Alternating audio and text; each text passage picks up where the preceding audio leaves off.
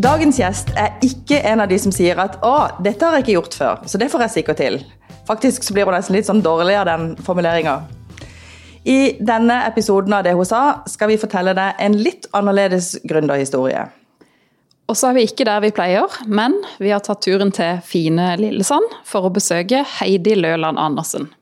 Tusen takk for at vi fikk komme, Heidi. Tusen takk for at jeg ville komme. Jeg heter Monica Birkeland og er her sammen med Birgitte Klekken. Og her, Heidi, har jo du skapt din egen arbeidsplass, Tekststudio.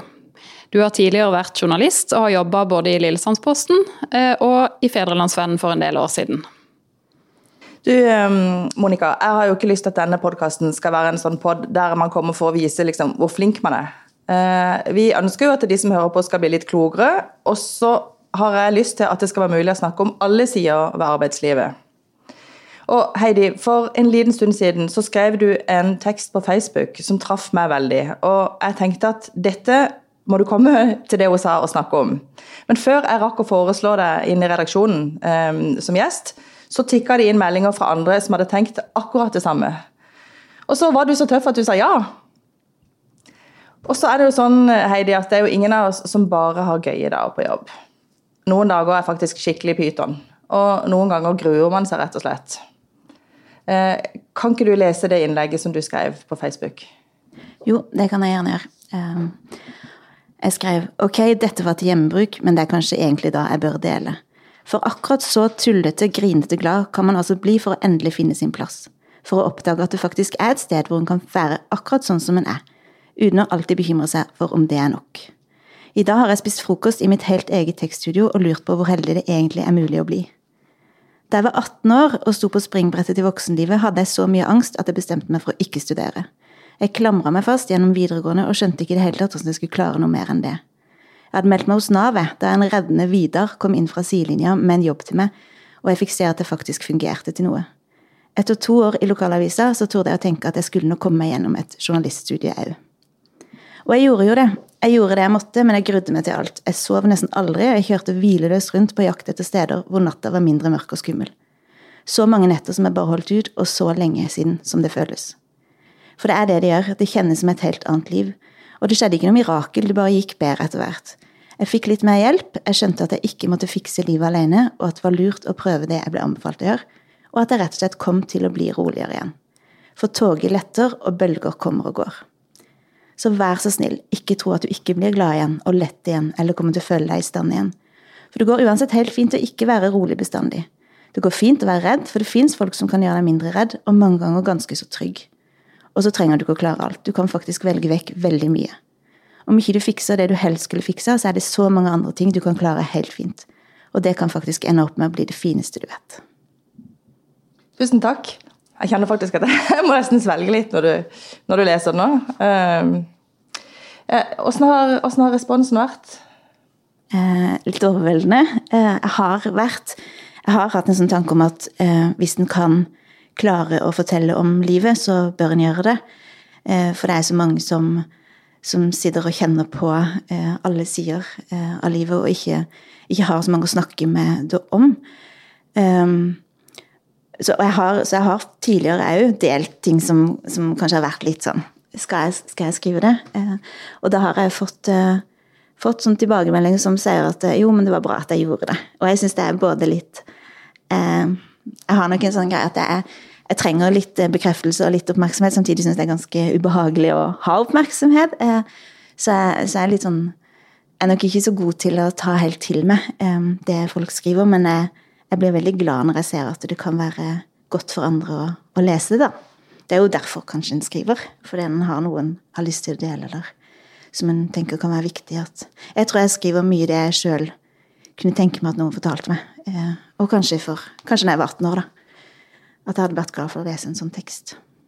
Og akkurat det der har jeg litt lyst til å komme tilbake til. Men først så har jeg lyst til å snakke litt mer om der du er akkurat nå.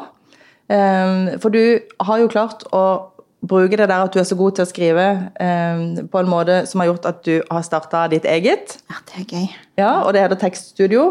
Um, og på en måte så er jo dette en gründerhistorie, men så sier du at nei, jeg kjenner meg ikke helt igjen i sånne klassiske gründerhistorier med sånn damer som er proppfulle av selvtillit og, og, sånn. Det er ikke helt sånn det har vært. Du syns det virker litt fremmedgjørende, sa du. Kan du si hva du, hva du tenkte på da? Ja, jeg tror bare jeg aldri har tenkt jeg har følt meg som ei sånn som starter en bedrift. Liksom, det har vært litt sånn de og meg. Jeg har jo vært journalist nå i 20 år, eh, før jeg hoppa av. Og da har jo min rolle vært å skrive om de her damene som gjør noe. Eh, og så har jeg vel tenkt at det, så tøff er ikke jeg. Jeg kommer ikke til å, å starte noe for meg sjøl. Jeg har gått med en drøm om det lenge, og jeg tok sluttpakke i Feven for er det sju-åtte år siden. Og da hadde jeg jo lyst, eh, men jeg torde ikke. Og jeg har nok identifisert meg som ei som ikke tør, kanskje helt. Um, men så er det jo noe med det at hvis du, du kommer til et punkt der en står i en jobb der en kanskje ikke har det så godt, merker at det er ikke det er ikke kanskje jobben sin feil eller noe, som, noe spesielt som er utløst, men du bare du er ikke der du burde være, eller du er ikke den du burde være, og du får ikke brukt det du er best på, og føler kanskje ikke helt at den er på plass.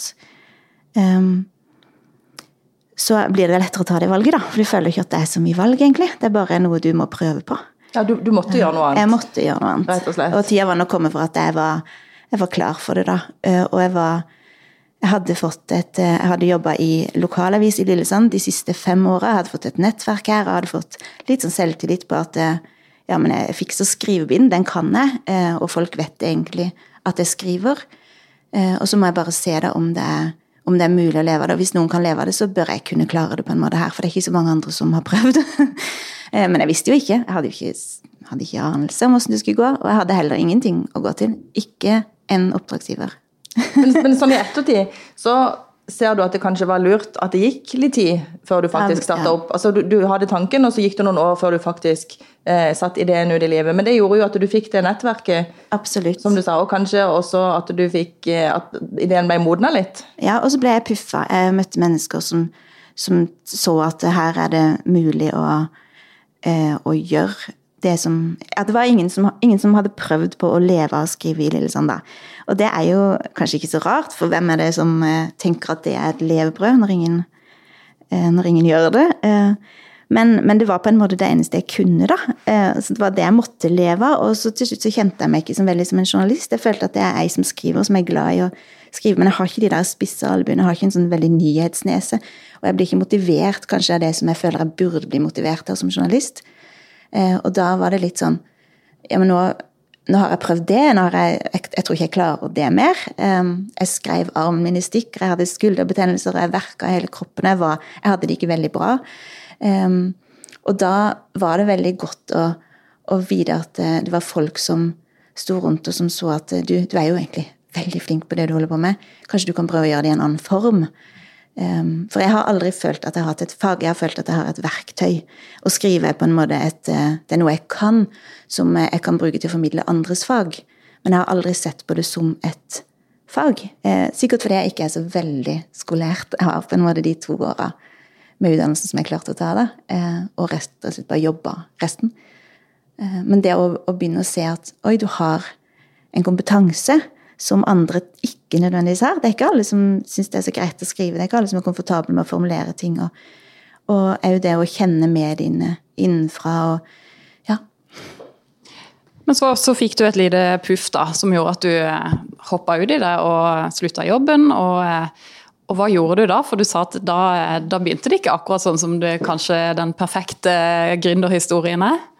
Nei, jeg var jo ikke veldig Jeg føler ikke at det er liksom sånn eksempel til etterfølgelse, for jeg, jeg sa opp jobben min, eh, og jeg visste ikke helt hva jeg skulle. Jeg visste at jeg skal prøve meg. Jeg skal prøve å leve og skrive og være min egen sjef. Eh, og så visste ikke jeg om det innebar frilansing, eh, eller om jeg kunne få kunder. Jeg hadde en veldig god venn som, hadde, som jobba i næringslivet i Lillesand, som sa til meg at du, jeg vet om folk som Som jeg har i kommunikasjonsbransjen, jeg vet om folk som har gjort det før. Eh, på tilsvarende steder, som jobber for typisk kommunen. Og han nevnte opp en oversikt over de forskjellige bedriftene som han trodde kunne trenge, trenge noe tekst. Og så tenkte jeg ja, det kan jo kanskje være, da. Så jeg begynte liksom å lufte det bitte litt når jeg var, når jeg var ute på jobb den siste tida. Der, så at jeg, jeg slutter, og jeg kommer til å å begynne å, å, prøve å skrive for min egen del. Så du kan jo tenke på det hvis det noe, skulle være noe behov.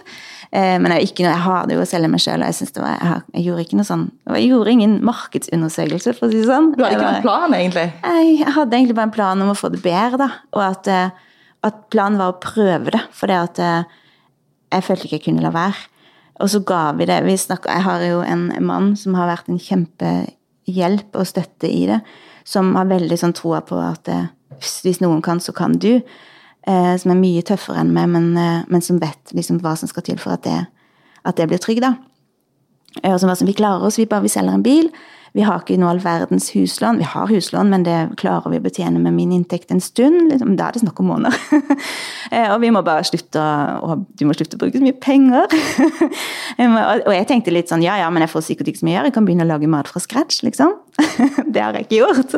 Men, men, jeg hadde en plan om at vi klarer å knive en del, og kan, det er mye vi kan ofre for at jeg blir gladere, på en måte. Ja, For din motivasjon var egentlig å få det bedre? Og, for at, og det var, det var ikke sånn at du hadde en drøm om at du skulle tjene masse penger? Og, nei, nei og sånn. det, var, det, var, du, ville ha det bedre i livet? Jeg ville ha et liv som jeg følte var mitt, og som ikke var liksom bundet opp mot at jobben styrte det, og at jeg følte at, at jeg gikk på kompromiss og, og, gjorde det fordi jeg måtte.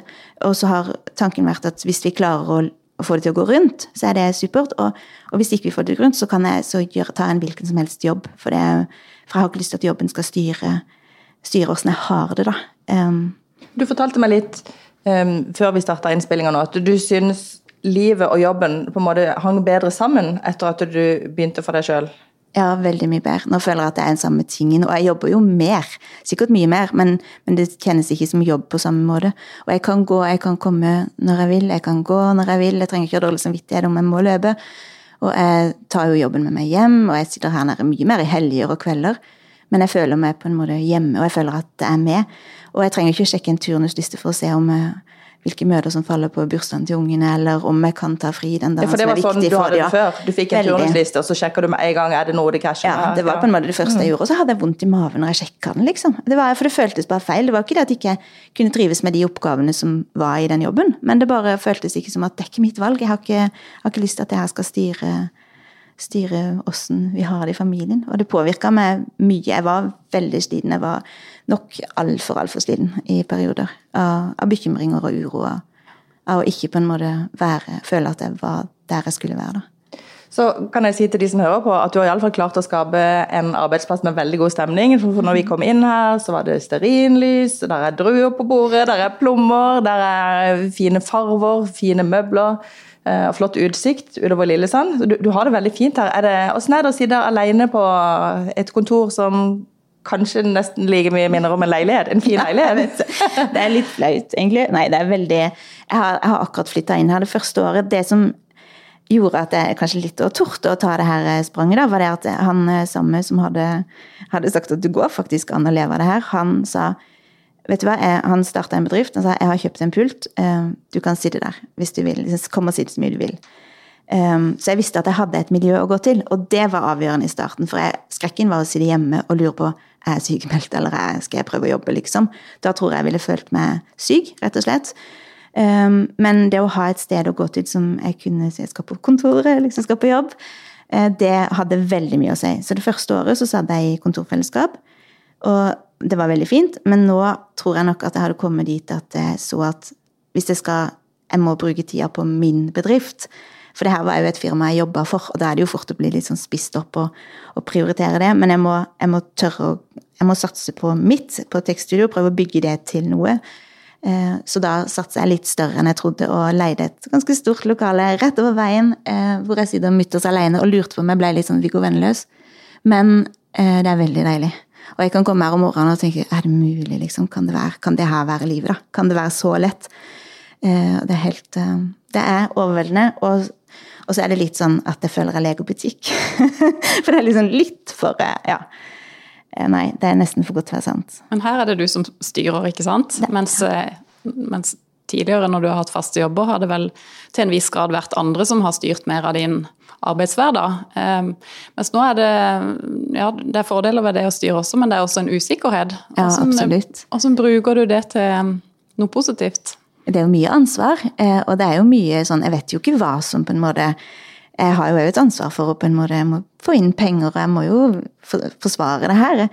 Um, og det som jeg syns er så overraskende, da, er at jeg har egentlig alltid følt at jeg har behov for å ha kontroll på hva som skjer. Jeg må vite hva som skjer fram i tid, og jeg må vite at eh, vi har sikker inntekt. og, og liksom føler meg generelt sånn, veldig sånn trygghetsbehov. Men det jeg har merka etter at jeg har gitt avkall på litt trygghet, er at det er egentlig helt nydelig å ikke vite hva som eh, kommer. Eh, for nå er jeg jo veldig glad nå etter et år at jeg ser at ja, det her kan jeg fint leve av, og det kommer penger inn. Og om det er litt stillere en måned, så er det egentlig litt godt, for jeg vet at det kommer. Det kommer mer, og i perioder så hoper det seg litt opp. Eh, men det å, å ikke vite hvem jeg jobber for, eller om jeg er her, eller om jeg er i en annen liksom, det, det at, at jeg, liksom, det, jeg bare ser litt flere muligheter, da. Mens jeg før kanskje har sett litt sånn Å nei, shit, jeg må Og det må jeg kanskje klare, liksom. Nå tenker jeg mer eh, Tenk på hva jeg faktisk kan få prøve, da. Du har lært å sette pris på den usikkerheten? Ja, jeg syns den er veldig god, og jeg er overraska over det. At jeg syns det er godt. Um. Men Heidi, er det sånn at du fremdeles har ting du gruer deg til, og at bare nå håndterer du det bedre? Eller har du greid å rydde vekk litt av den der eh, grue seg til ting-følelsen? Nei, jeg, jeg har den. Absolutt. Jeg har jeg har i perioder ganske mye angst fremdeles, men jeg har eh, Jeg var veldig sånn engstelig barn, det var jeg. Og da grudde jeg meg til absolutt alt.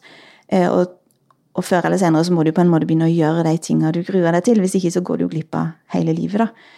Og jeg har jo, ved å grue meg og være så redd, så har jeg jo på en måte fått mye erfaring med at det, går jo alltid bedre enn jeg tror. Eh, så det har jeg nok Jeg har blitt mye eksponert for det. Og og gjort det så mye at, eh, at, det er liksom selvfølgelig at jeg gjør det jo for det. Sånn som når dere spør om å være med i en podkast, tenker jeg ah, nei! Må de spørre om det? Det er jo veldig stort å bli spurt om, men samtidig kjempelite komfortabel med det. Men så tenker jeg jo men jeg må jo det. Jeg kan ikke si nei, jeg kan ikke ikke prøve. Da vil jeg jo angre. Um, så jeg tenker at shit, det går vel kanskje ikke så veldig bra, men det er jo ikke det verste som kan skje om ikke det går så bra. Da har jeg prøvd det, og så vet jeg at det trenger jeg ikke å gjøre igjen. Eller, eller kanskje jeg tenker at det her var jo helt Topp. Det går jo veldig bra. Du sa, du, du, du sa at du grudde deg, men jeg syns jo dette går Jeg begynte å glede meg når vi hadde snakka litt sammen. Det. Ja, men det er bra, for dette, tanken er jo at det skal være en god opplevelse. Det er veldig lite skummelt. Ja, ja. ja så bra. Mm. du, det med å være redd for ting og grue seg til ting, det handler vel kanskje for noen iallfall Eller et element er vel iallfall det at man er litt redd for ikke å innfri. Man, man er redd for ikke å være god nok. Eh, er det en følelse du kan kjenne deg igjen i? Ja, eh, det er vel stort sett det det går i, da. Eh, ja. Og så er det jo det som jeg, som jeg, vet, er jo at det er mine egne forventninger. Eh, jeg vet jo at det er i mitt hode. Men, men, det er jo det å, å, være redd for å ikke får, Det er sikkert jeg er mest først og fremst redd for å skuffe meg sjøl, fordi jeg, jeg tenker at, at jeg ikke er så god som som folk tror at det er, da.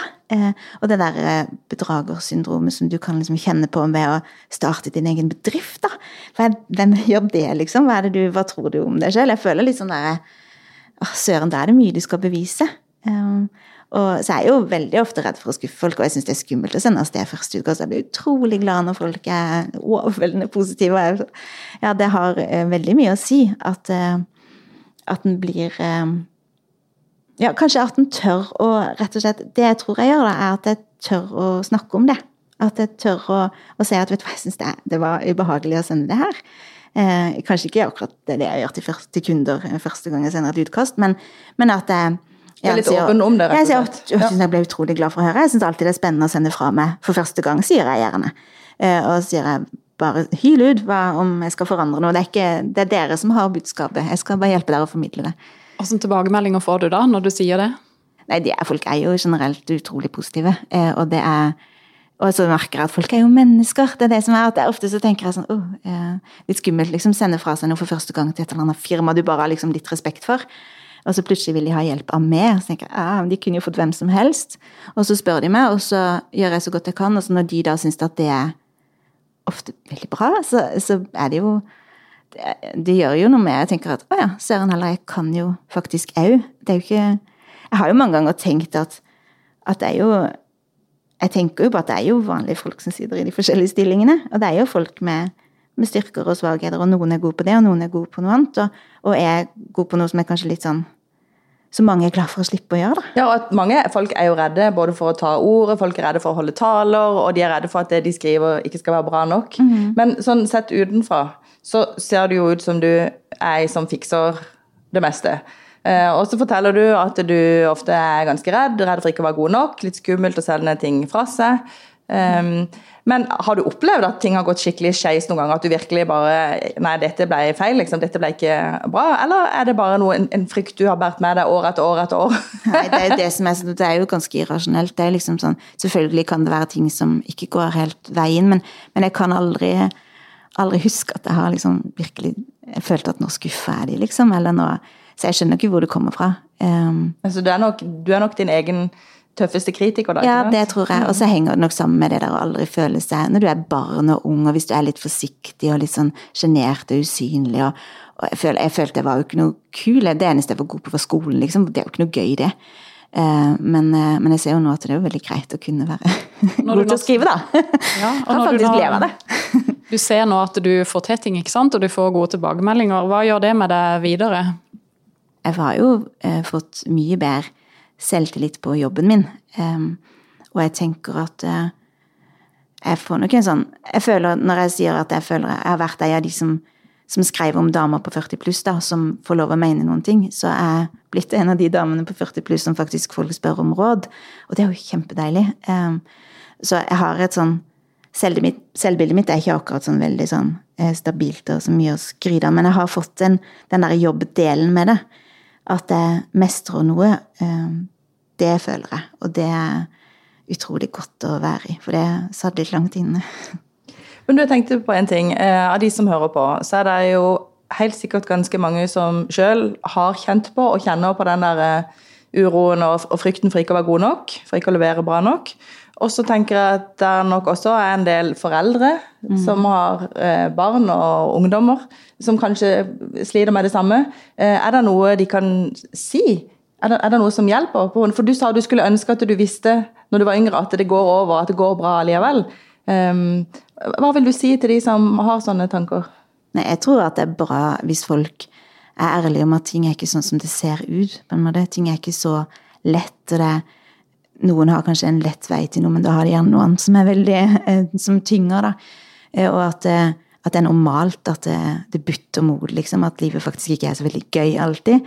Eh, og så tror jeg det viktigste på en måte er bare å holde ut litt, og så se at det faktisk så gjør, Velg det som du eh, er god på, da, eller velg det som du ikke, ikke føler at du må prestere for andre, men tenk at det, er, det er greit nok å bare gjøre det som du i alle fall hvis det er noe du føler deg god på, så bare fokuser på det, da. Eller hvis det er noe du er trygg på, så fokuser på det, og så kan resten komme, mm. liksom. Mm. Du trenger ikke å, å være god på alt. Du trenger ikke å fikse alt med en gang Nei, du trenger ikke, du kan velge vekk kjempemye, tenker jeg.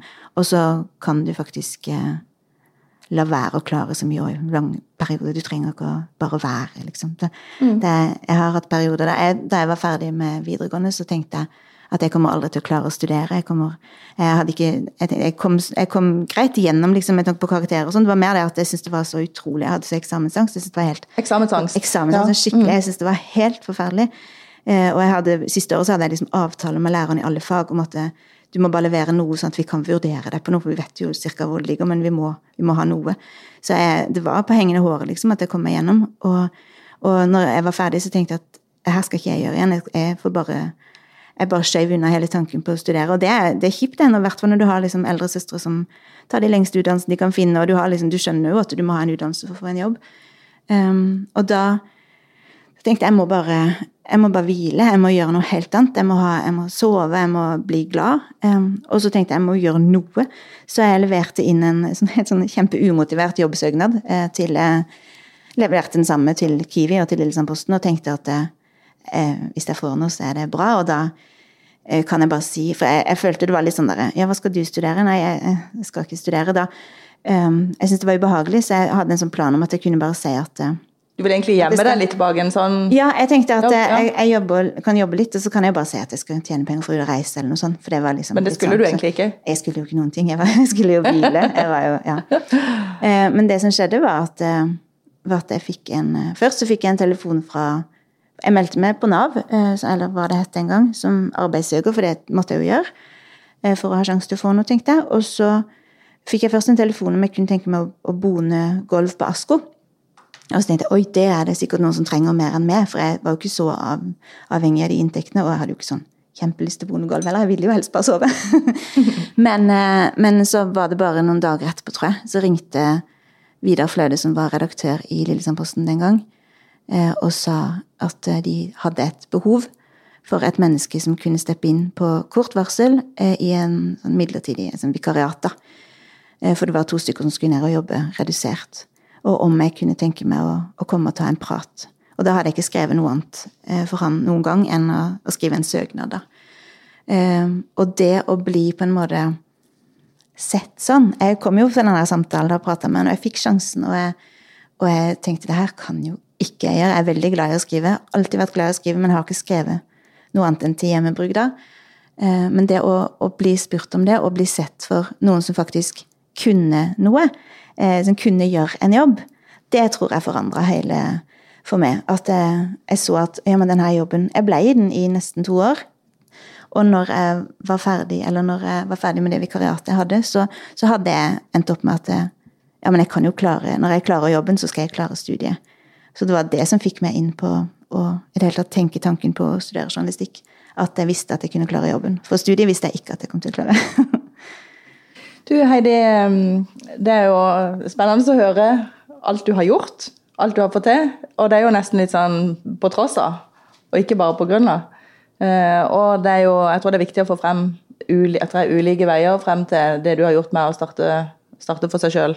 Så eh, takk for at du ville dele det. Um, Jeg tenker vi kommer over til det som er faste poster i det hun sa.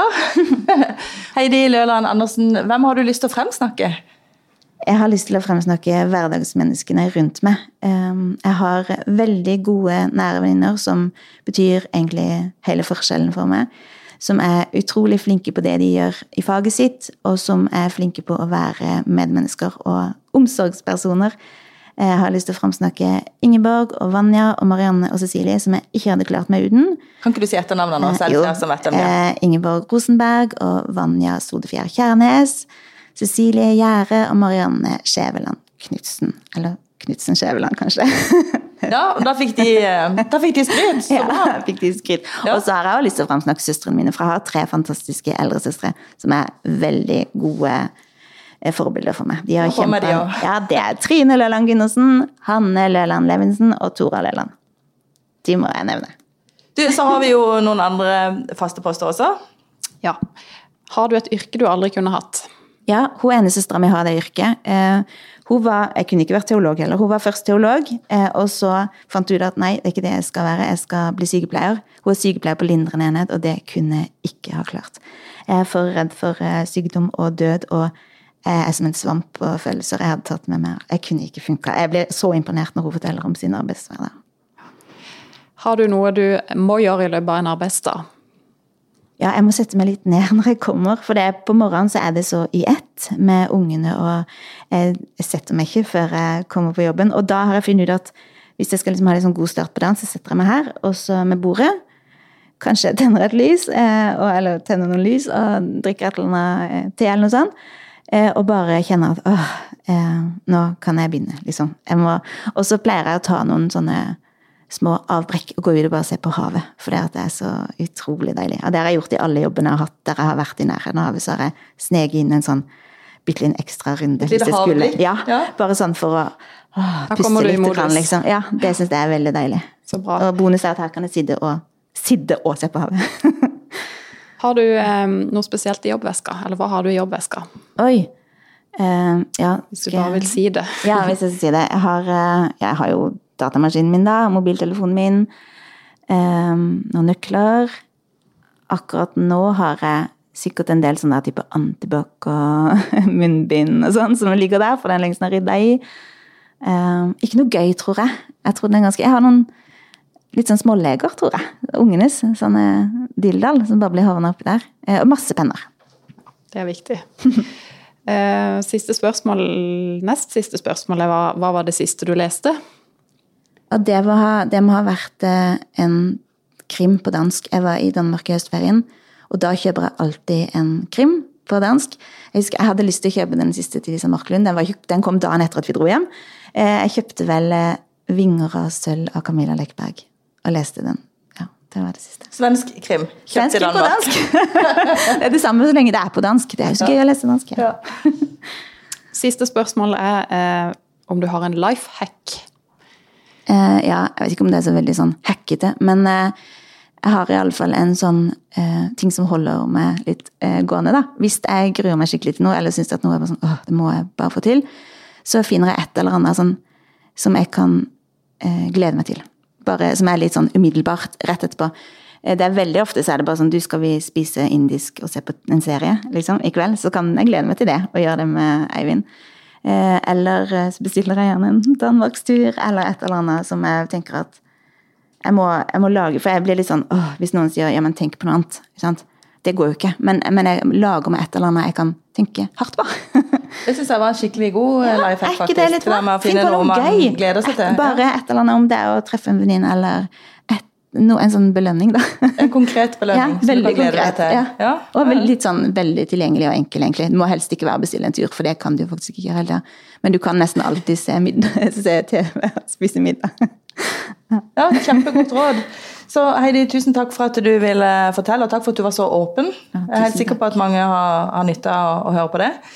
Um, det var vel alt vi hadde i dag. Til de som hører på, så vil jeg si at det er fint om dere går inn og ser på Facebook på det hun sa. At dere blir med i, i gruppa der, og finner oss gjerne på Instagram også. Så takk for, takk for i dag. Takk for meg, og takk for besøket. Du har lytta til Federlandsvennens podkast 'Det hun sa' med Birgitte Klekken. Har du tips til andre bra damer vi bør snakke med, eller har du lyst til å dele inspirerende erfaringer fra ditt arbeidsliv? Ta kontakt på dethosa1fun.no.